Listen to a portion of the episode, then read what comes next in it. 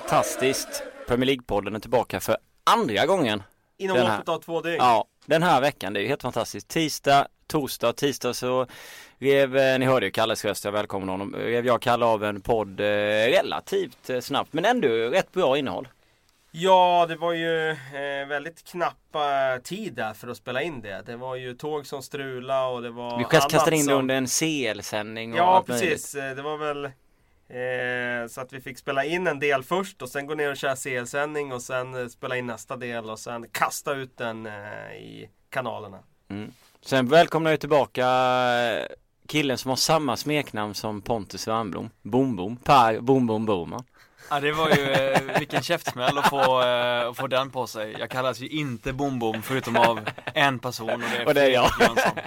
Ja, men jag gillar smeknamnet Boom till Boman. Ja du har ju försökt lansera det fruktlöst nu under ett par Ja. års tid. Det är inte många som hänger Ja, på. men Nej, jo. lanseras ett smeknamn i en podd, då brukar det sitta. Ja. Nu, nu är det vedertaget Ja, snart. bittert. Det är Jag har inte hört det förut, men eh, det var bra. Det är redaktören. Jörgen Källström och jag som har jobbat för att det ska sitta typ under kanske, ja det är säkert ett års tid va? Ja det Ja, har varit inte en ständig tortyr i alla fall att höra det. Ja. Var det en tortyr i helgen också när Arsenal föll? Eh, största problemet för mig var att med en halvtimme kvar så går Alexis Sanchez ner och spelar någon typ av offensiv innermittfältare. Lägger sig centralt, transporterar boll som en gammal tant, eh, halkar, snubblar, kladdar på den. Vill vara med i spelet på alla möjliga sätt och vis trots att han bara ska hålla sig på sin kant och, och leta, ja, leta öppningar därifrån. Kalle, varför är Alexis Sanchez överambitiös när det går dåligt?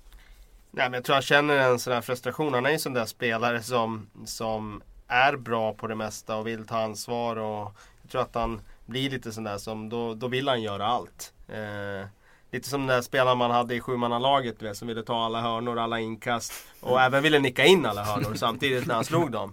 En klassiker. Eh, lite, lite den tendensen kan man ju se med Sanchez. Dock tycker jag väl att han var en av de få som kommer undan med trots allt totalt godkänt betyg i den, eller bra betyg ändå. Eh, Men jag håller med om sista halvtimmen där kanske att det blev lite med för mycket desperation i det. Mm. Men det är väl det som blir kanske grejen där när han är den typen av människa. Så ser han, som du säger också att det är många som inte var så bra. Så ser han ju detta själv och så vill han liksom kliva in där och ta över och, och styra och ställa och, och köra på liksom. Det var man väl det var väl folk som tyckte det om Zlatan när det diskuterades en del att han ville väl ta ett väldigt stort ansvar när han spelade i en klubb. Nu spelar han med ett gäng stjärnor i PSG. Han har ju varit i klubbar där det kanske inte varit lika många stjärnor i alla fall när han har kommit dit från början och då har han tagit ett större ansvar, kanske gått ner lite längre och hämtat boll och så vidare. Man har Även i sett landslaget. i landslaget också. Eh, sen så brukar ju väl eh, Zlatan i de flesta fallen ändå göra det bra. Nu såg jag inte när Sanchez gjorde det. Jag såg första 45 och jag bara kollar på när det gäller eh, Arsenal. Och sen har jag sett den missade straffen också. Ja, i övrigt, jag tycker faktiskt att man, de var inte bra, Nej, men de, de skapade chanser nog för att vinna ändå. Så jag tycker Mm. att det var mer tillfällighet att man inte fick med sig en poäng eller tre poäng. Alltså det var riksdåligt att förlora mot West Brom, men jag tycker ändå, jag tycker inte att det var katastrof. Jag tycker inte det. De har ganska bra spelschema framöver nu. Eh, och att jag känner att eh, skapar man så många chanser ändå så visar det att, visar det att kan man skapa så mycket chanser när, när det går dåligt så tycker jag att det är ändå ganska bra helt är det enkelt. okej ändå ja. Sen har de ju dessutom en skadelista som lättar lite nu. Eh, dock är det alltid farligt när det gäller Arsenal att börja prata om skadelistor som Ja. lättar. För att det kan lika gärna komma ett par skador nästa helg och så är man där igen. Men nu är ju Ramsey i alla fall tillbaka på banan. Oxlade Chamberlain är på väg tillbaka. Det är Walcott är inte så långt bort. Så Förhoppningsvis då så för Arsenal, Arsene Wengers del så har han lite fler spelare att välja på. Jag tyckte inte att det var eh, kändes bra när Kieran Gibbs går upp och spelar eh, ytter. Eh, nu när Arsenal liksom ändå vecka efter vecka har eh, matcher som alltså, de bör vinna om de ska vara med och kriga om den där titeln. Och sen hamnar man i ett läge där man behöver spela en vänsterback som ytter. Nej, det, det kändes inget bra. Det kändes som att eh, då då har skadekrisen eh, verkligen sänkt. Eh, liksom, då, får- då får det verkligen den, den där effekten man eh, befarar. Att det sänker lagets chanser. Jag undrar också hur man ska ställa upp framöver nu med det här innermittfältsparet. Klarar liksom Cazorla och Ramsey spela tillsammans där? Det är väl tveksamt. Får man Wilshire Ramsey tendensen då att det är som var för några år sedan när man alltid förlorade med de två? Behöver man ha Flamini liksom? Ja, alltså Ja. det där är, det blir ett huvudbry för Wenger nu. För att eh, Coquelin har ju varit den enda spelaren egentligen av de frontsexan som har varit verkligen defensivt inställd. Och problemet med Ramsey i den rollen är att han är jättebra. Han är ju som bäst när han får spela centralt och han vill spela centralt. Men hans främsta egenskap är ju att han är en box-to-box-spelare. Att han är väldigt rörlig och han ska komma i sina löpningar offensivt. Och Cazorla kommer ju absolut inte klara av rollen att vara ankare på mitten och stoppa upp motståndarnas anfall. Han kan definitivt ligga lågt och vara den som styr upp spelen. Det gör han bättre än någon annan i ligan egentligen. Men eh, om han blir den spelaren nu på det där mittfältet som ska ha det defensiva tänket, då kommer jag vara orolig. Eh, jag befarar att Flamini kommer behövas. Och det är ju en svaghet, för jag tycker inte att Flamini är tillräckligt bra för Arsenal för att eh, liksom vecka efter vecka eh, fylla ut Coquelin-kostymen. Så känslan är att det blir en uppställning med eh, Casola, Flamini eh, där bak, eh, Sanchez, Özil, Ramsey och då eller? Ja, jag skulle tro det. Eh, det kan ju vara så att Wenger testar. Eh, men han testade Jack Wilshere och Ramsey i en premiär mot Aston Villa här för ett par år sedan. Och, eh, det kändes så som att då trodde ju han i alla fall att det skulle hålla. Eh, det kan ju vara så att han testar Ramsey, Casola för att se eh, att han kanske inbillar sig att vi klarar det. Och det, jag tror att man klarar det i många matcher. Framförallt på hemmaplan. Men inte i alla matcher. Och det som är problemet är ju att det är inga bortamatcher i Premier League som är enkla. Och där är det stora problemet just med Premier League kontra andra ligor i eh, Europa där topplagen kanske är så pass bra så man kan, man kan spela offensiva uppställningar och komma undan med det. Mm. Jack Wilshere. Tänk vad mycket man trodde på honom när han kom fram och spelade många fotbollsmatcher när han var typ vad var han 19, 20? Nej han var ju yngre än så. 17, 18. Ja, men han, jag menar när han spelade, han var, han kanske Ja, var när han var 18 som bäst var han väl Ja. där när han latchade, eller latchade så ska jag inte säga. Hemma Men han, matcha, han matchade i alla fall i en enskild match, och Iniesta då. Eh, sen eh, är det i och för sig många som kan eh, matcha de bästa när man har sin allra bästa dag. Men eh, då såg han ju otroligt spännande ut. Eh, han såg ut att vara en världserövrare. Men eh, jag befarar eh, när det gäller Jack Wilshere att eh, han kommer att slarva bort sin eh, potential på att han är väldigt skadebenägen och att han inte kanske har fokus hela tiden på fotbollen utan eh, tappar det eh, då och då. Tycker han blev för offensiv också. När han slog igenom, han var ingen, han var ingen defensiv mittfältare som vann mycket dueller. Men han hade ändå defensivt fokus. Han var en defensiv speluppläggare. Sen när han kom tillbaka så vill han hela tiden dra iväg i djupled. Han vill köra de här, som det här Norwich-målet, snabba klackvolleypassningar i väggspel och han gör ofta det svåra numera liksom. Det blir jättevackert när han lyckas men han är liksom ingen spelare man kan lita på riktigt. Och det är ju deppigt. Han gjorde 35 matcher i Arsenal som eh, 18-åring. Sen har han inte, sen spelade han inte en match året efter typ. Och sen så gjorde han 24-25 och sen har blivit mindre av de matcherna. Eh, Theo Walcott har inte heller gjort över 30 matcher på, det måste också vara 3-4 år va? Han är alldeles för skadad för det. Jag kan inte komma ihåg senast. Eh, vi går från ett eh, lag som eh, har plågats av skador i många år till ett lag som har plågats av eh, en hel del skador de senaste eh, i alla fall sen van Schaal kom in. Det har varit skador förr under Ferguson också men det har inte känts på samma sätt i alla fall som det gör just nu. Man vann i helgen sent avgörande. Först släppte man in det var Troy Deeney som satte 1-1 från straffpunkten. Straff, ja. Och sen så är det väl han som är inblandad i målet Ja, det är han från som gör självmål. självmål som gör att eh, Watford får stryk hemma mot United. Och sen så såg vi ju United igår mot PC och de var väl eh, som vi sa när vi stod och pratade med varandra i C Live-studion att de skapar ändå en hel del mot PC i alla fall i första halvlek. Ja, första 20, 25, Ja men 30. det finns liksom ingen spets. Eh, och försvaret är ju bra. De släpper inte in så mycket mål. Men alltså rent ut sagt fan vad eh, underhållsvärdet har dött i Manchester United. Alltså sen van Schaal tog över det där. Alltså. Det var ju mycket roligt att titta på det. Nej, Moise i hade ju också sina problem. men- Men om man tittar bakåt i tiden. Ja men alltså vi känner ju United, om vi tar sen eh, millennieskiftet och framåt så eh, känner vi United som ett lag som alltid öser på. Framförallt hemma på Trafford och i andra halvleken ner mot Stretford End så eh, är det någonting motståndarlaget visste så var det ju att de var tvungna att försvara sig. För det Mm. kommer att bli en anstormning. Eh, nu känns det som att eh, i van system så handlar det mycket om att eh, riskminimera. Man ska spela bollen eh, och trötta ut motståndarna och så ska man hitta öppningar. Och ja, det går ju om du har väldigt kvalitativa spelare som klarar av att öppna låga försvar. Men jag upplever inte att United har det. De har inte mönster nog för att klara av det heller. Och jag tror att problemet är dels att man inte har kvalitet. framförallt att man inte har kvaliteten. Eh, nummer två är det att spelarna känner att det är så mycket Systemet är så eh, reglerat över vad man får göra och vad man inte får göra rent defensivt.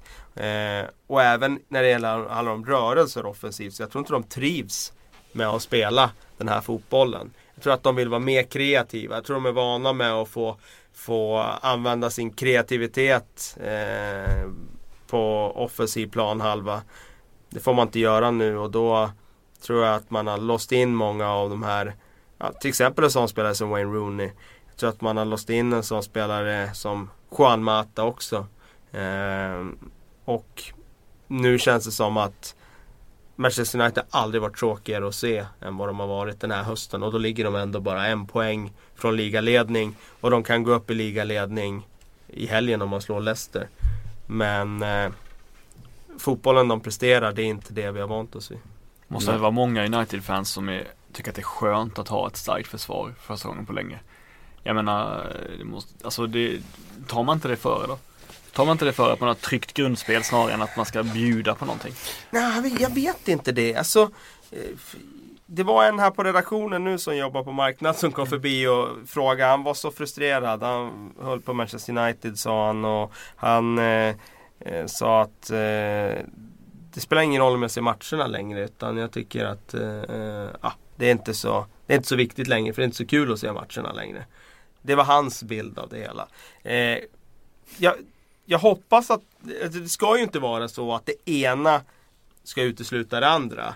Eh, att eh, den här svaga offensiven eh, har lett till den bra defensiven. Utan eh, det finns ju lag i Europa som klarar av båda två. Och United har uppenbarligen inte gjort det. Men det är klart att spelar man en uppställning som de gör nu med rätt defensivt lagda ytterbackar. Alltså Darmian är inte en offensivt lagd ytterback. Rojo är inte heller en offensivt lagd ytterback. Du har din fyrbackslinje kvar ganska ofta. Då blir du inte lika sårbar för omställningar. Så det, det hänger ju ihop med vilka spelare de använder. De har Schweinsteiger och Schneiderlen eller Schneiderlen och Carrick på centralt mittfält. De går inte iväg så mycket. Och det är klart, har du sex spelare i defensiven som eh, är kvar då, då, är det ganska enkelt att eh, eller det är betydligt enklare i alla fall att hålla nollan eh, än om du har offensiva ytterbackar som går iväg. Eh, där ser jag ju skadan på Luxor var ju förödande för Uniteds offensiv. För jag tycker att han var kanske bästa dörröppnaren i hela Manchester United så länge han var hel. För han kunde verkligen skapa från sin vänsterbacksposition. Han kunde ta emot, göra bort sin spelare och skapa öppningar för andra. Eh, nu har de väldigt svårt att hitta den. Martial är väl den spelaren som kan hitta på något men med Depays svaga form, med Rooneys svaga form. Det händer ju knappt någonting. Men om Fanchal tar titeln med det här laget, då är han förlåten. Tar han ja, inte titeln, tar han inte ja. titeln så kan han dra åt helvete eller? Är det det som är tanken eller? Jag, nej men jag tror, jag tror att det blir lite så. Det var hårda ord men nej, alltså, nej, men jag, tro, jag, tror att det blir lite så för att resultat kommer ju alltid att eh, väga tyngst. Eh, det är väl bara i, liksom i Brasilien eh, som möjligen ett VM-guld 1994 inte var tillräckligt fint för den brasilianska fotbollssjälen. Eh, det är klart att eh, Manchester Uniteds fans kommer att Det kan hända Real Madrid liksom, också att du kan vinna ligan. Att, eh, kan vinna ligan i Hammarby. Bra. jag menar att Fanchal har gjort ett bra jobb om de vinner ligan. Men jag tror att ska du komma undan med det här då måste du nå resultat. Annars är det omöjligt. Tänk vad de har gått igenom också, man tänker bakåt i tiden man tittade när de hade Sir Alex Ferguson. Det var ju, de förlorade nästan aldrig hemma, kändes som i alla fall. Och sen så visste alltid motståndaren, det här som Kalle var inne på, att vi kommer få försvara oss. När du kommer dit så har du den taktiken klar. Sen Mois tog över och som det ser ut idag så behöver du inte tänka så när du åker dit. Du kan åka dit och brösta upp dig som, som motståndare. För jag menar det är ju, alltså Newcastle har väl vunnit på den där arenan, Swansea har vunnit, alltså det är många som har vunnit på den arenan de senaste åren. Ja, Mois behöver... tog ju slut på många av de där sviterna. Ja, det var ju så 30 år och så, så du behöver inte tänka på det sättet. Och så tittar du på United idag också när de inte har offensiven utan de har defensiven. Så kan du spela på ett helt annat sätt. Förr fick du åka dit och vara livrädd och skulle bara liksom panika och så visste du nästan att även om du ledde i slutet och det var fem minuter kvar så vände de ändå liksom. Skickade in lite bollar och så trycktes det in två mål och så var det United-vinst. Det, som vi... det som jag tycker är konstigt är att Fanchal under debutsäsongen fick ju ändå rätsida på laget under våren. De kom ju i en riktigt bra period där. Han hittade ett 4-1, 4-1 system där han använde Mata som ytter. Eh, var väldigt bra i den perioden. Fellaini blev någon slags offensiv mittfältare som samtidigt var targetspelare. Eh, och att man inte kunde bygga vidare på det tycker jag, tycker jag är väldigt konstigt. Nu har man ju bytt system och man sitter med två defensiva mittfältare. Jag tror att det är en anledning. Jag tror inte det är hela eh, orsaken. Men eh, det är klart att sitter du med två defensiva mittfältare och ingen av dem bidrar i offensiven, vilket har varit fallet i höst, så är det klart att det påverkar. Men eh, nu blir det ju liksom en situation när Fellaini kommer in och de ska börja spela plan B så är det som att de behärskar ju inte det heller. Eh, I våras när han användes och hade en väldigt bra period när han blev lite av nyckelspelare i United. Då upplevde jag att han var ett alternativ. Han var inte alternativet att bara slå den långa Nej. bollen på honom. Utan det var ett alternativ eh, i ett annat passningsorienterat lag. Att man kunde även gå långt på Fellaini. Och som alternativ så, så tycker jag att han är eh, användbar. Men när det bara blir det här gå långt. Då är det ju också någonting som det, det, det ska ju inte, Manchester United ska ju inte ha en plan B som går ut på att man ska skicka in en lång flaggstång i slutet av matcherna och börja skicka långa Nej. bollar. Men behövs det nya spelare eller är det bara Fanchals idé som är så här helt enkelt? Jag tror fan att han har kört ner dem eh, ganska mycket. Det är både och. Eh, Depay är ju uppenbarligen inte färdig. Eh, Martial med all sin potential och talang är ju av förklarliga skäl inte färdig. Eh, han ska man ju självklart ha tålamod med och han tycker jag ändå visar tendenser på att han har något väldigt spännande. Depay är ju en stor besvikelse helt, eh, helt hittills, det är inget snack. Rooney och hans form har ju varit ett gigantiskt problem för Manchester United. För han skulle ju ändå vara den här nyckelspelaren som ska bära offensiven och han har inte levererat överhuvudtaget. Så att Ja, det behövs ju nya spelare. Och det är sjukt när man tänker på vilka summor som har lagts ut de senaste ett och ett halvt åren. Men jag ser absolut att det behövs nya spelare. Sen är det ju dessutom då såklart van som behöver eh, hitta en modell som spelarna trivs med och som, som eh, även ger en mer offensiv fotboll. Är du helt bombsäker på att spelarna är så obekväma med det här statiska anfallsspelet?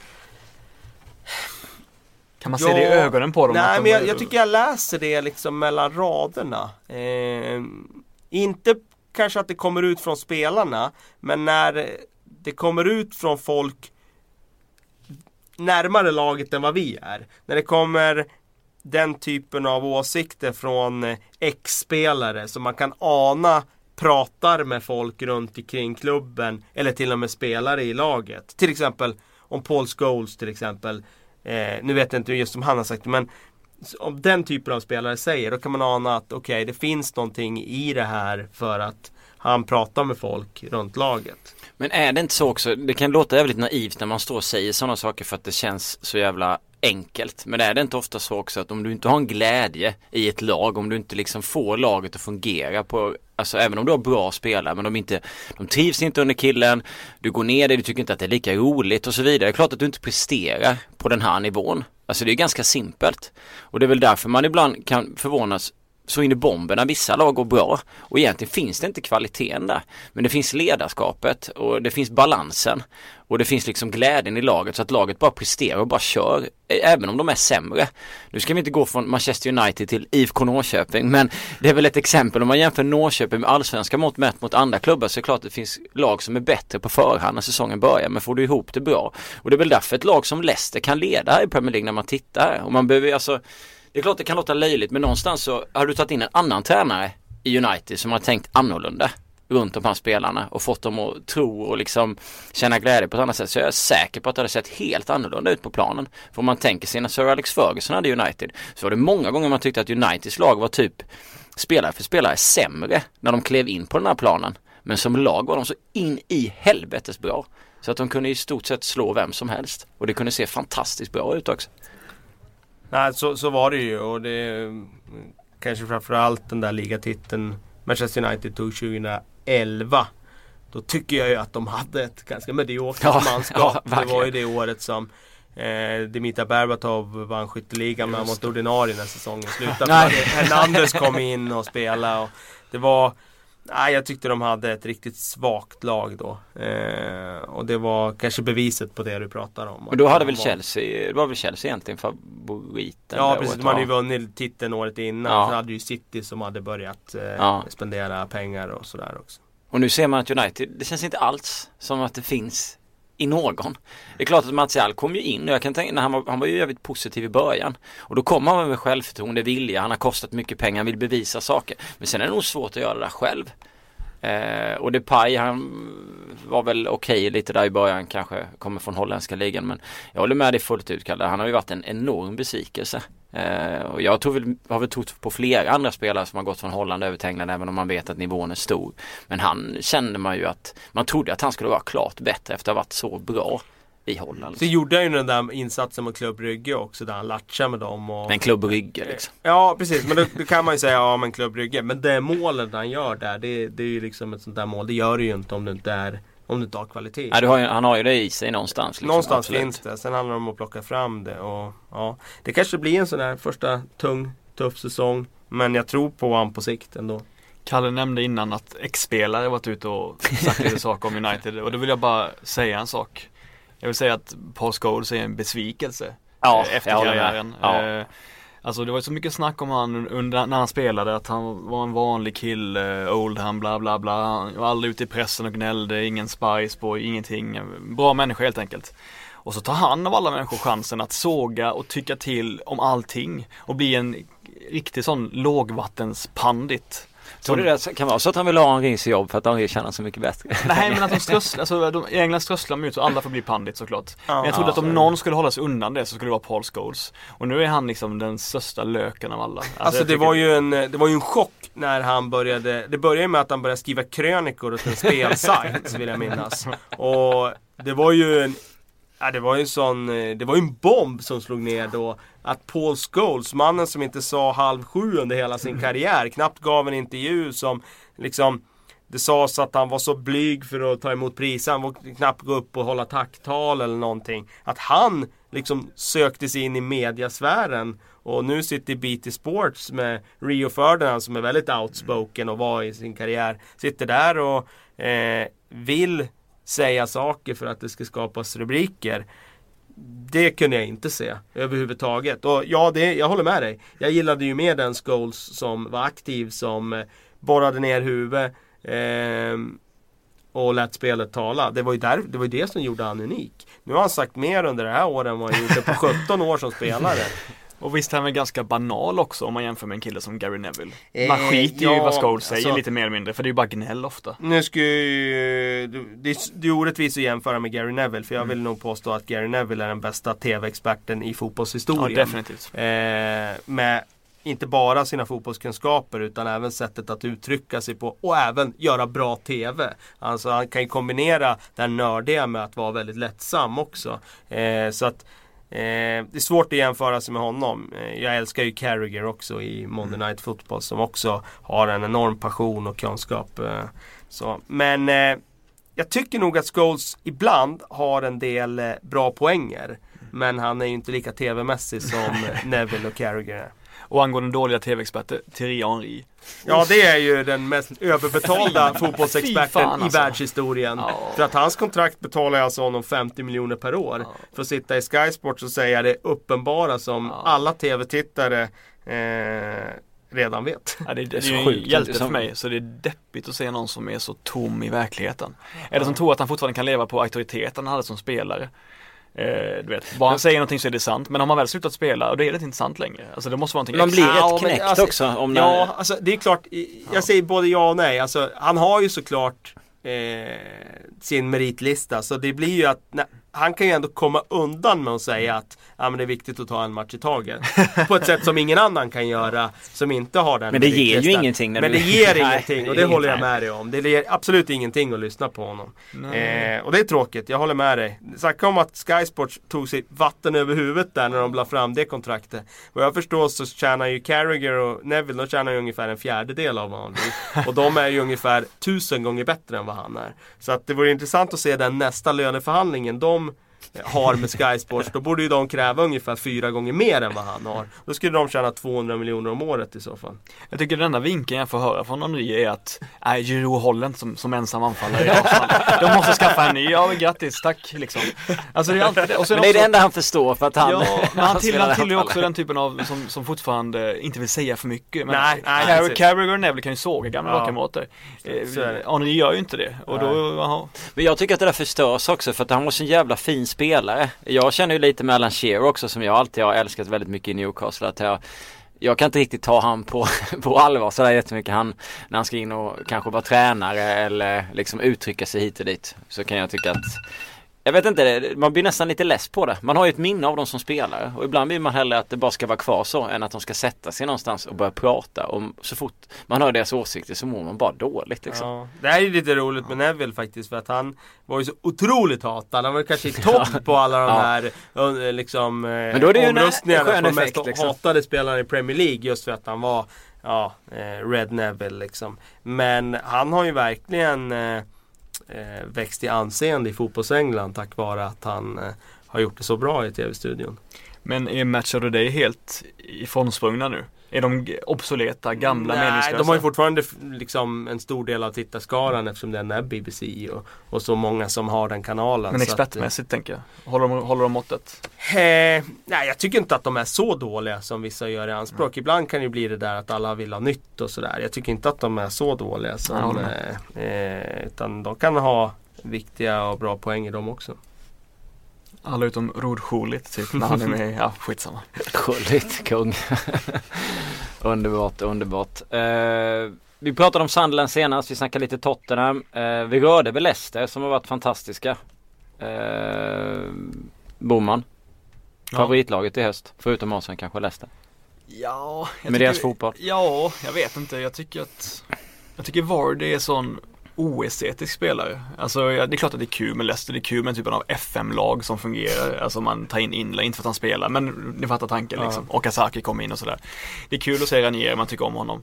Men det är inte så att jag, jag vet inte, alltså jag har inga varma känslor för Leicester direkt. Förutom att det är kul med en överraskning. Det har ju alltid varit ett ganska beige lag i Premier League så. Det har ju inte alls varit. Och så nu plötsligt bara sprintar de upp till ligaledning från ingenstans. Jag tycker att de är lite häftiga just för att de eh, eh, De har några spelare som, eh, som det sprakar om just nu. Wardy är en. Eh, Mares är en annan. Eh, en av den här höstens absolut bästa i ligan.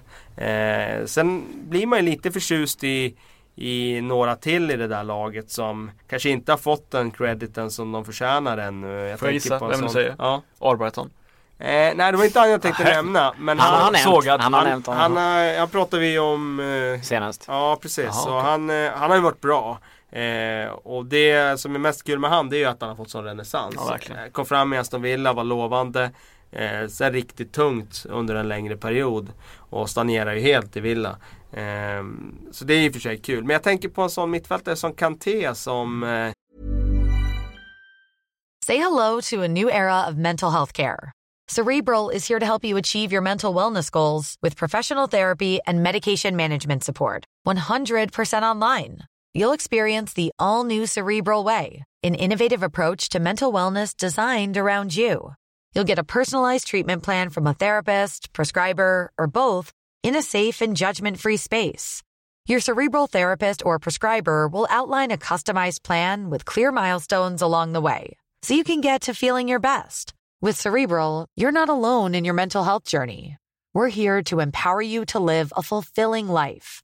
So take that first step towards a brighter future and sign up today at cerebral.com slash podcast and use code ACAST to get 15% off your first month. Offer only valid on monthly plans. Other exclusions may apply. Offer ends July 31st, 2024. See site for details.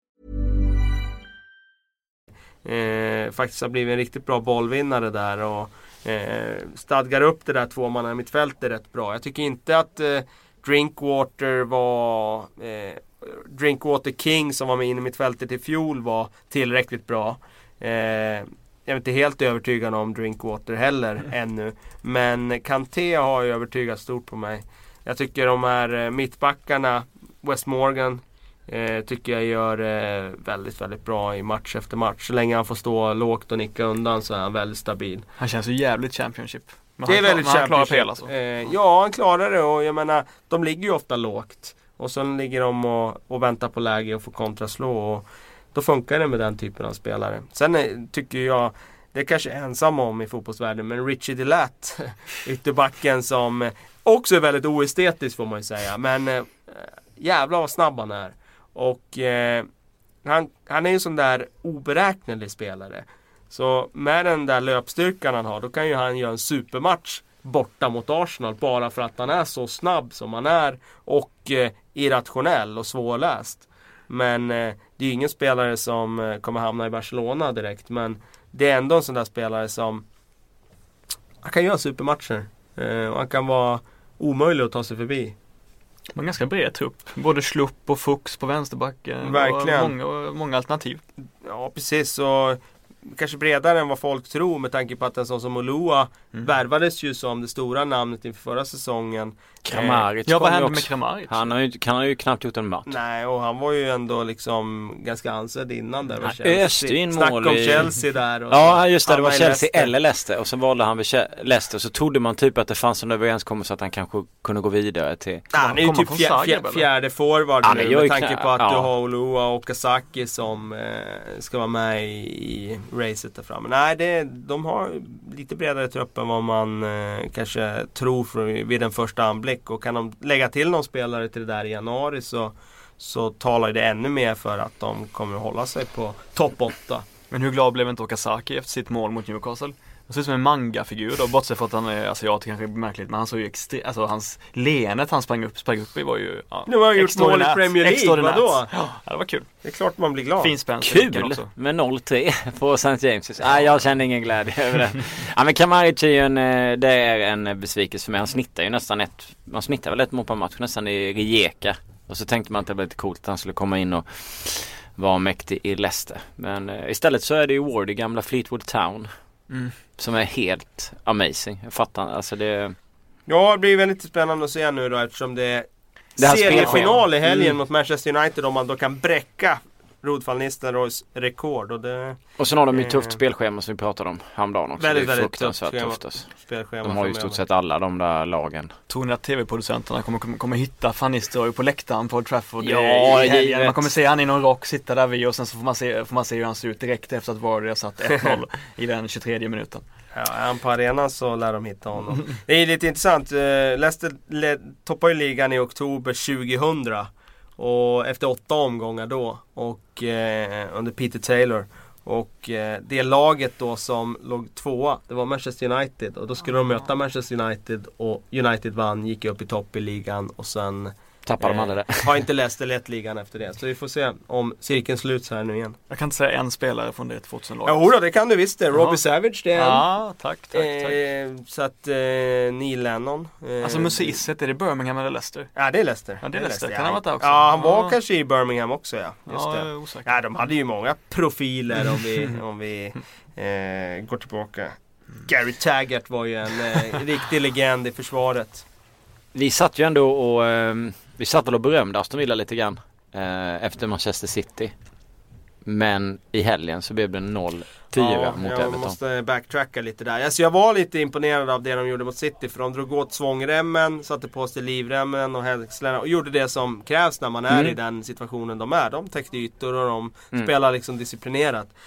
Nu mot Everton så försökte de ju göra samma sak men de klarade inte av det. Nej. Och det jag såg eh, efter att kolla reprisen nu då, det var ju att de hade ju absolut ingenting eh, till uppspel. Alltså det var som att eh, de gav bort bollen varje gång de försökte bygga något. Det var eh, snudd på pinsamt att se. Jag tyckte det var riktigt det var, uselt alltså. Det var eh, som de för, Det är som att de försökte göra något och det slutade med att de skickade iväg en lång boll till ingen alls. Eh, så nej, de blev ju sopade av banan. Eh, av ett väldigt bra Everton skulle jag säga också. Eh, men eh, ja, det, det som gav lite hopp här eh, förra helgen. Det slogs undan ganska mycket eh, nu mot Everton. Och nu har dessutom Jack Grealish varit och fångats med näven i syltburken här. Han gick ju ut på krogen i Manchester. Han bad att få stanna i det området där efter, efter matchen mot Everton. Och då fick han okej okay från Remigard. Men sen gick han ut på krogen och blev fotad där. Vilket man får räkna att bli om man är Premier League-spelare. Ja. Och eh, nu kommer han inte ingå i truppen till nästa match. Det är straffet för Grealish som haft en riktigt tung säsong. Han var ju riktigt bra i, i våras där när man tog sig till fa Cup-final. Men han har verkligen eh, eh, underpresterat nu i, i höst här. Det är ju extremt viktig tid för dem fram till jul känns det som. Om, nu är de fyra poäng efter eh, Cherries där nere och jag tror väl att Newcastle har något liknande också. Man möter Watford hemma, Southampton borta, Arsenal hemma, Newcastle borta. Det är rätt jobbiga fighter för dem. Eh, I alla fall eh, både Arsenal och Newcastle med tanke på Newcastles eh, pissläge där nere. Så att, Alltså jag vet inte, sen, sen kommer januarifönster absolut, vi ska inte sitta och prata för mycket silly season men sen är, det måste vara svårt för en klubb som Aston Villa har dragningskraften och plocka in massa spelare som ska rädda klubben när det ser ut som det gör. Ja, ingen vill väl bli lagkamrat med en sån kille som Kieran Richardson efter att ha sett, alltså det är, det är ju match of the day spaning men Delofeus totala Alltså mangling av Richardson mm. var, det var plågsamt att se däremot. Alltså mm. jag gillar ändå Richardson, tycker alltid att han har varit en vårdad spelare. En Mattias Florén i, eh, i Premier League. Vårdad alltså? Ja men alltså med tycker du inte det? Ja, alltså vårdad men eh, han är ju lite sådär som Delat, att han kan ha sina dagar. Där hans snabbhet ger effekt. Men eh, nu känns det som att han har tappat i princip allt. De har ju en... Ja men alltså han försökte, han försökte utmana Delofeu i löpdueller typ. Det, ja. var, det var hemskt. Ja, det är det jag menar. Det verkar som att han inte ens har kvar den där snabbheten. För att Delofeu ja. blåste ju förbi han. Men han, har, han, har han inte en okej vänsterfot då, Richardson? Alltså uppspelsfot, är den dålig också? Ja, är, det bara för han, är det bara för att han är vänsterfotad ja, som jag säger att den är okej? Ja, jag tror det. Jag tycker att han, i, han är väl okej liksom, men inte mer än så. Man har alltså en vinst, det var första rundan. 1-0 borta mot Bournemouth och sen har man Två kryss. Vad hände med Gest, det var Gested va? Eller Gested som gjorde det målet. Fellaini-kopian gick väl in där borta. Men de plockade väl bort honom lite, gjorde han inte det ett tag? Och sen Vilken kom... match är du pratar om? Ja, för den, den här vinsten du pratar om Jönsson, ja, det var borta mot Bournemouth. Bournemouth ja, ja, ja precis. I ja, premiären ja, exakt, eh, det stämmer. Eh, han, eh, han har inte fått så mycket speltid Nej. men jag tror inte han passar heller riktigt i ett uh, one striker system. Alltså det blir för förutsägbart att bara stå och lyfta bollar på honom. Då måste du ha någon som löper också. De har inte riktigt spelare som löper om du inte spelar Akbola Hår möjligen. Han skulle kunna vara en sån spelare som kunna springa runt omkring honom. Men spelar du med Kyles Gill till exempel. Eh, som är så bra så att han behövs i Aston Villa. För spelar inte han då har de ingen kreativitet istället. Nu spelar de med Kyles Gill eh, i liksom en mattaroll, får komma in lite från kanten. Ja men då behöver de kanske en annan forwardstyp där. Eh, eh en som springer lite mer och då är ju det Jordan Ayew ja, de har, de, han, de, han har lite bekymmer där med när det gäller den offensiven. Det är helt uppenbart för att det finns inte tillräckligt med kvalitet där framme. Vad säger det om League 1 då? Att eh, profiler därifrån som eh, Ajo och Verretot och Amavi och sådär mm. inte är sådär bra i Premier League. Ja. Åtminstone inte det lagbygget. Nej, Amavi tycker jag har visat eh, bra tendenser. Nu blev ju han skadad här och det var väldigt olyckligt. Men eh, han visar ju ändå, i och för sig visar han både och. För han gjorde ju ett fatalt misstag där mot Crystal Palace som kostade poäng. Men eh, han, han, tycker, han gillar jag ändå. Ghana gillar jag också mm. eh, till viss del. Eh, men inte tillräckligt bra för att ha riktigt den rollen i laget. Eh, en så ansvarsfull roll. Eh, att han ska bygga spelet och sådär. men det är klart att en sån som Jordan Ayew tyckte jag levt mycket på sitt namn. Mer än att han var bra. Det, han har ju levt på brorsan. Snarare än att han själv var så framträdande. Vad hände med lillsnubben? Var det han du sa? Gay eller? Gay, ja. Ah, gay, just det, just det. Mitt uttal är inte på franska. Eh, jag säger Ghana för då vet ja. man att då säger man rätt. Ja, exakt. Han har ju själv satt det namnet som sitt artistnamn nu. Ah, ja, men känns inte det jag, men det är väl för att under silly-säsong, eller under silly-tid blir man ju förbannad över det. Jag kan tycka det när jag tittar på mitt Newcastle till exempel som en blandning av, eh, de har ju plockat in folk från lite alla möjliga klubbar och ligor och sådär. Och det känns som att man plockar in typ folk som är relativt unga, Mitrovic, för att man hoppas på att de ska bli bra och kanske sälja dem vidare och så istället för att plocka en färdig spelare som Charlie Austin så vet du vad du får och så vidare. Och så hoppas du få en bra mix och så kör du på och så plockar du lite folk som har slagit igenom i olika klubbar och så tänker man inte på att de ska passa som en balans och så är det Premier League då, mycket pengar så bara in med skiten liksom. Och sen så får du inte det att fungera. Och det spelar ingen roll hur mycket tränare du plockar in. Eh, så gör du inte det. Och det känns som att det är ganska klassiskt eh, vissa klubbar i Premier League. Jag upplever också att när man plockar från Frankrike så är det för att det är bra mycket billigare att göra ja. det. De ja, så är det också. Annat pris. Eh, plockar du Charlie Austin så skulle det vara en prislapp på 15 miljoner pund. Mm. Bara för att han är engelsman och för att han Det var ju Mitrovic i och för sig dyrare. Men det var väl för att han, han är ung också. Är ung. Men du har ingen garanti. Man måste ha Wengers franska franska connections som Precis. ska kunna plocka Eller Graham Carr. Ja.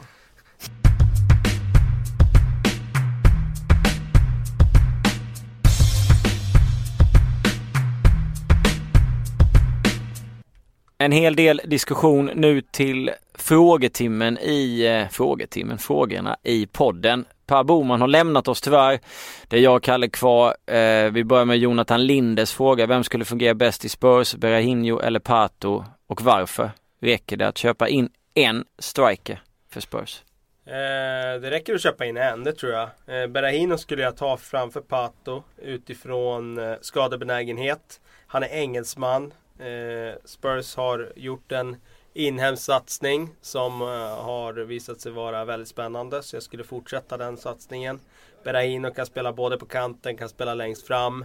Eh, då har man också mindre risk av att spelaren sen vill till en eh, liga i, på varmare breddgrader. Mm. Pato är ju en, som du var inne på en enorm skaderisk alltså. Shit vad mycket så vet man aldrig hur han acklimatiserar sig till det engelska levernet så att eh, då väljer jag Berahino. Aron Freid, hade Wardy platsat i Arsenal? Nej, eh, det tror jag inte att han hade passat så bra för att eh, jag tycker att han framförallt är en kontringsspelare och Arsenal får ju fortfarande eh, möta ofta lag som backar hem på egen planhalva och jag tror inte han skulle funka så bra mot lågt sittande lag.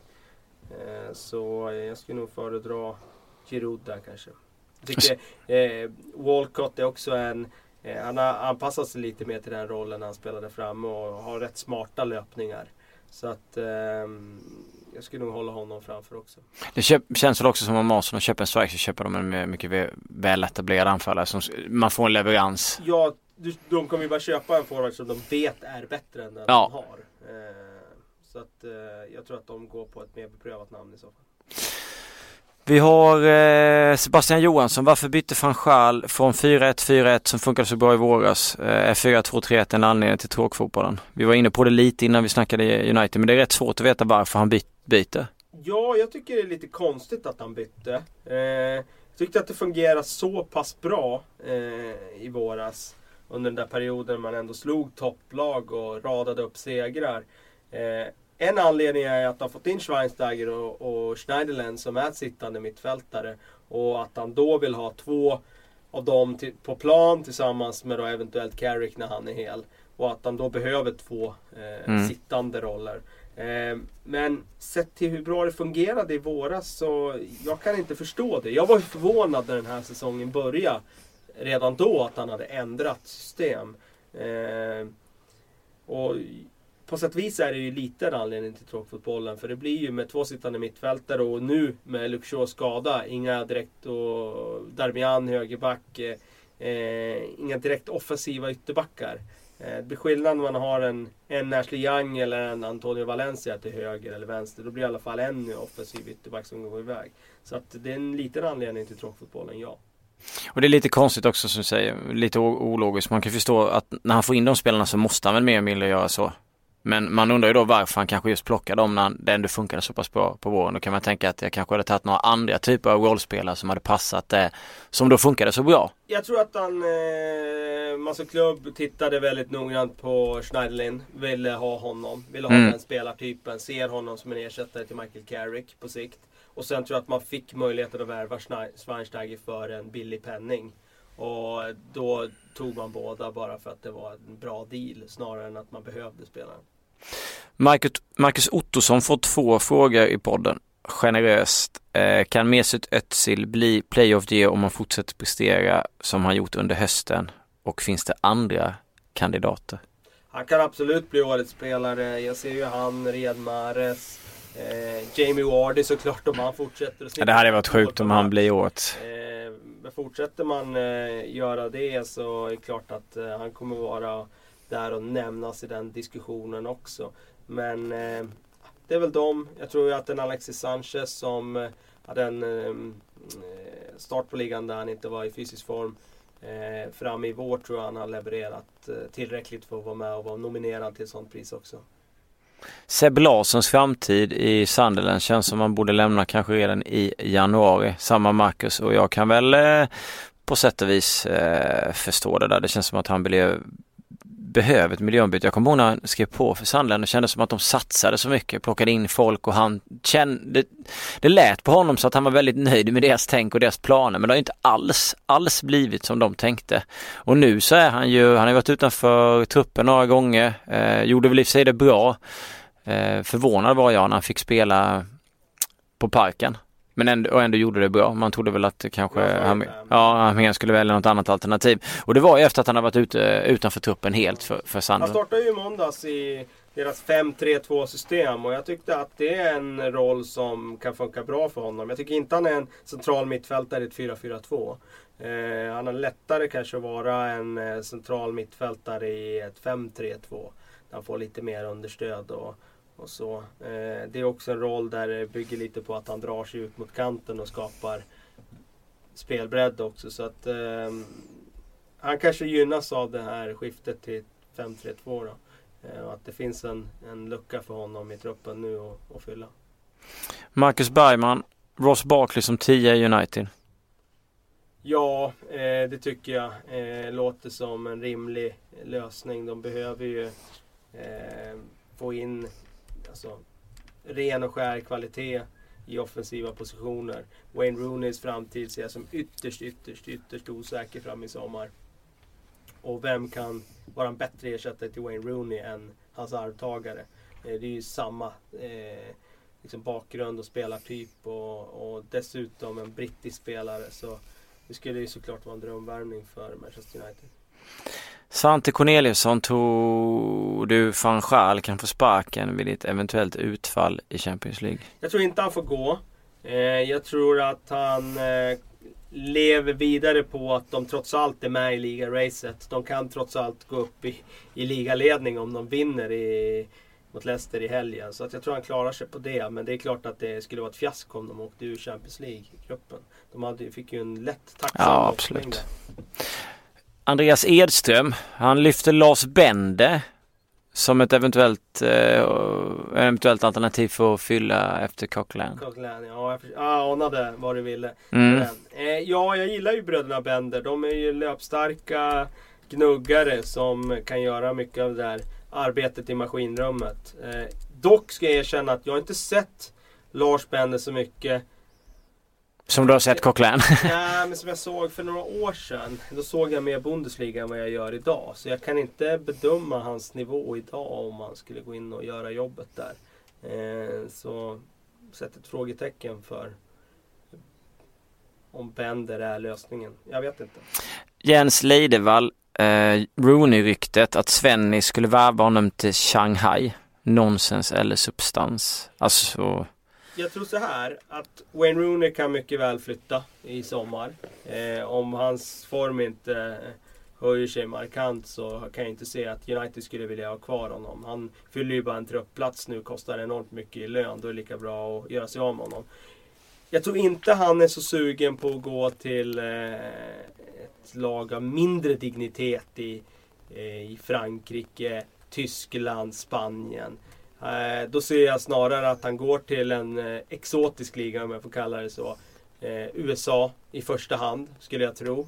Eller då Kina möjligen. Men som sagt jag tror MLS är det allra hetaste ja. alternativet. Det känns mer så om man tänker på Rooney än att han skulle dra och spela Det skulle vara coolt om han spelade under Svennis i Shanghai med Det skulle vara Wayne Rooney och, och Tobbe Hysén och, och någon tjomme till längre fram. Um, Skulle i och för sig vara, vara kul och eh, följa Daniel Nathanaelsson. Om Klopp köper mittback och central mittfältare i januari, vilka bör han satsa på? Tar han Hummels då? Tar han Hummels om Klopp köper mittback och central mittfältare i januari? Eh, ja, det är ju klart att eh, det ligger nära till hans att spekulera i att han ska handplocka spelare från Dortmund. Mm. Han har ju lovat att han inte ska göra det. Men det verkar ju som att han har ögonen på Bundesliga i alla fall. Om man läkt, läser lite i ryktesfloran. Och det, det tror jag nog det finns någon substans i. Bernt Leno, målvakten, verkar vara ett eh, namn som man håller koll på. Och då skulle det vara som ersättare till Simon Miljoné som eh, inte verkar övertygat Klopp riktigt. Eh, Hummels är såklart en drömvärvning. Men om Hummels går så tror jag ju att han skulle gå till Champions League-lag. Mm. Magnus Eriksson, jag vet att vi har pratat om, eh, du, jag tror att jag har ställt frågan till dig om du skulle jämföra dig Kalle med en tränare i Premier League. Eh, och han undrar ju här vem du har tagit mest idéer av och vilken tränare påminner om dig och så skriver han Sir Alex? Frågetecken. Ja, alltså man plockar ju ganska mycket sådär från eh, många tränare. Eh, det kan ju vara små, små detaljer. Det är ju alltid Premier League till tränare man själv hade i, i pojklagsåren. Eh, så att jag kan inte komma på så här på raka arm om det är någon tränare i Premier League jag plockar mer eller mindre av. Men jag har nog plockat saker från eh, många tränare. Så. Det senaste jag plockade från Premier League det var faktiskt när jag såg eh, Everton eh, spela mot Aston Villa i repris i, igår. Då såg jag ett uppspel som Everton använde som jag tyckte var, var intressant. Så det plockade jag med mig i, eh, i boken. Lars Cornel... Senaste var från Roberto Martinez. Då. Ja, ja precis. Eh, Lars Corneliusson eh, undrar vad Chelsea behöver tillföra i januari för att höja sig till normal nivå. En mental coach hade väl inte varit fel för att få upp lite självförtroende och en, eh, en alltså en riktigt formstark anfallare som bara öste in lite mål. Det där med mental coach är intressant. För att hade du frågat för fyra fem år sedan då kändes det som att Arsenal behövde gå förbi barriärer för att bli av med den här förlorarstämpeln. Nu snackar jag i och för sig Chelsea men, eller sa jag det? Jo. Jag tyckte du sa Arsenal. Nej, det ska vara Chelsea. Chelsea? Ja, Ja. okej. Sorry. Ja, alltså när det gäller Chelsea så tror jag att de har en väldigt skicklig coach när det gäller mentala. Eh, sen är det ju frågan då om man är bra i motvind när det gäller mentala. För då kanske han har mycket av det mentala att jobba med själv. Så, Ja. han inte liksom har, så att det räcker eh, till de spelarna han ska jobba med.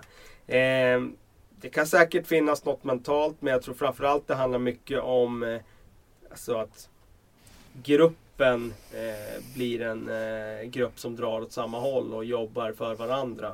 Det finns tillräckligt med kvalitet i det där laget men eh, drar de samma håll, tror de på de idéerna, den gemensamma spelidén, det är jag inte helt säker på.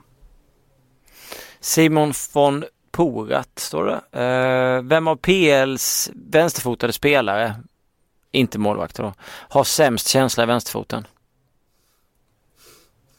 Den är sjukt svår alltså. Ja, den är jäkligt svår att dra bara på ja, en dålig, en dålig vänsterfot liksom. Nu har vi två grejer vi ska ta med oss till nästa vecka. Den sämsta passningsspelaren och sen har vi... eh, Vi snackade om den enfotade spelaren Ja, just det. innan lite grann. Ja, eh, men det var med- ju Val- Valencia. Men det, han är ju inte eh, vänsterfotad. Nej, det är svårt att säga det. Det man kan säga om vänsterfotade spelare rent generellt det är ju att de ofta har bra fot. Och, och riktigt usel högerfot istället. Precis, och det går ju hand i hand. De blir uppmuntrade för att de har en bra vänsterfot i tidig ålder och då använder de den. Eh, och får utrymme att använda den på en kant eller att slå frisparkar och hörnor och förbättra den. Eh, men eh, nej, jag kommer inte på någon som var sådär dålig. Bara för att du inte kan svara så bra så tar vi en fråga till från Simon. Mest underskattade respektive överskattade spelare i år? I år? Ja, mest överskattad är ju Wayne Rooney. Eftersom han idag blev nominerad som en av 55 som kan bli få en plats i Fifa Pro, FIFA Pro World 11. Och det är ju ett skämt. Eh, Det är alltså 25 000 professionella fotbollsspelare som har sagt sitt från mer än 70 länder. Och eh, då är alltså Wayne Rooney en av 55 spelarna i världsfotbollen som varit bäst i år. Och det är ju Helt. barockt. Ja. Eh, Men det visar ju, tycker jag, att professionella fotbollsspelare de ägnar ju sin tid åt att, titta på, eller att spela fotboll. Inte åt att titta på fotboll. Eh, för jag vet själv att när man ägnar sig åt fotboll så hinner man inte se så mycket som man gör om man, om man är en supporter som eh, ägnar sin tid åt att eh, ligga i TV-soffan på helgerna. Så att eh, jag tror att de har, spelarna de har inte så bra koll helt enkelt. Utan de tar de kända namnen och så tar de, kryssar de i de där rutorna på, på de spelarna som de eh, minns från tidigare och tar för givet har gjort bra ifrån sig. Så Wayne Rooney är det mest överskattade för mig. Det mest underskattade, det är ju svårt. Det, då vill man ju ta någon som verkligen gått under radarn. Eh, någon som absolut ingen har upp, upptäckt eller så. Som ingen snackar om och som har gjort det bra. Och då måste vi ju ner på de mindre klubbarna. Och eh, det borde vara någon i Leicester som kan ligga hyfsat ja, till. Ja precis. Leicester, eh, Kanté till exempel, mittfältet som jag är inne på. Han eh, tycker jag gjort det väldigt, väldigt bra. Eh, jag tycker att eh, nu har väl han fått lite cred då, men eh, Lanzini är ju en spelare i West Ham som har kommit från ingenstans och gjort det sjukt bra. Eh, jag kan säkert hitta något mer om jag får fundera lite till. Mm. Det är ju fler poddar kvar så det kanske kommer. Eh, två frågor till. Eh, Oliver Lundell får Mourinho sparken om Chelsea missar topp 4 och det är väl inget snack va? Ja precis. Eh, han har ju lite mer förtroendekapital nu efter de här segrarna. Jag tror att han har tillräckligt nu för att få stanna några veckor till. Och får han stanna några veckor till så får han stanna året ut. Mm. Och jag tror att de kommer resa sig så pass mycket nu så att han i alla fall... Känslan är att de Sparkar de inte han nu när det blåser så mycket som det gjorde för ett par några veckor sedan. Då kanske han får vara kvar året ut ändå. Skulle Men- de visa Champions League. Då tror jag att det blir eh, goodbye. Ja.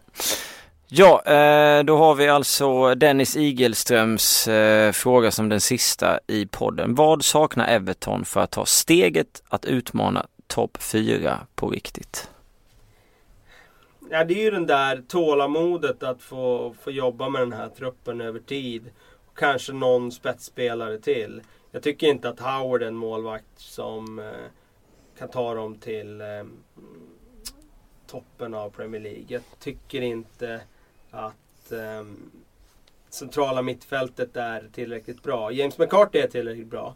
Men Gareth Barry, även om han har varit bättre nu i hösten än vad han var förra säsongen. Så tycker jag inte att en 34-årig Gareth Barry som fyller 35 nästa år eh, är lösningen där. Där skulle jag vilja ha en bättre spelare.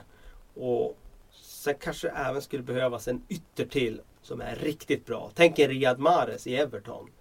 Med Lukaku, med Ross Mm. Barkley. Oj vad roligt det skulle kunna bli. Mm. Så det är egentligen lite mer spets och lite yngre förmåga på ett mittfält då egentligen. Ja, jag skulle ha lite rörligare ben än Gareth Barry där. Och jag skulle vilja ha en ytter som kan avlasta Barkley i den här kreativa rollen. Eh, jag tycker inte Aaron Lennon blev det som eh, de behövde. Mirajas är för, han är för, Mirajas är för ojämn. Det, det saknas någonting där från ytterposition. Tottenham-Chelsea, stort eh, London-derby. Fråga från mig till dig Kalle, vem vinner? Ja, jag, jag säger faktiskt med den formen som Tottenham har nu så tror jag att de får med sig ett kryss från den matchen. Eh, oerhört spännande att se såklart. Vinner Leicester mot Manchester United? Eh, Det har blivit tippare Kalle. Ja, nej, jag, jag, jag, jag kastar tillbaka den frågan till dig. För det är du som är tipparen. Eh, jag har spelat in en spelpodd där jag kör över 2,5 mål mellan Tottenham och Chelsea. Eh, då jag tog på målfest. I Leicester, Manchester United, alltså det är ju, alltså jag vet inte, det är så otroligt svårt. Det är ett jättebra odds på Leicester för att vara C-ledare. Ja. Men när man vet att Osk så är Leicester som möter United, då blir man lite, lite scary. Kanske, ja, jag vet inte. Det är underspelens mästare mot ett lag som både gör och släpper in mycket mål. Så alla sådana analyser går emot varandra. Så jag vågar inte Kalle. Du vågar inte? Jag sätter kryss 1-1. Ja, då... då Hakar du på. på. Ja, gött. Eh, tack så du Kalle Tack. för idag och tack så mycket för att ni har lyssnat.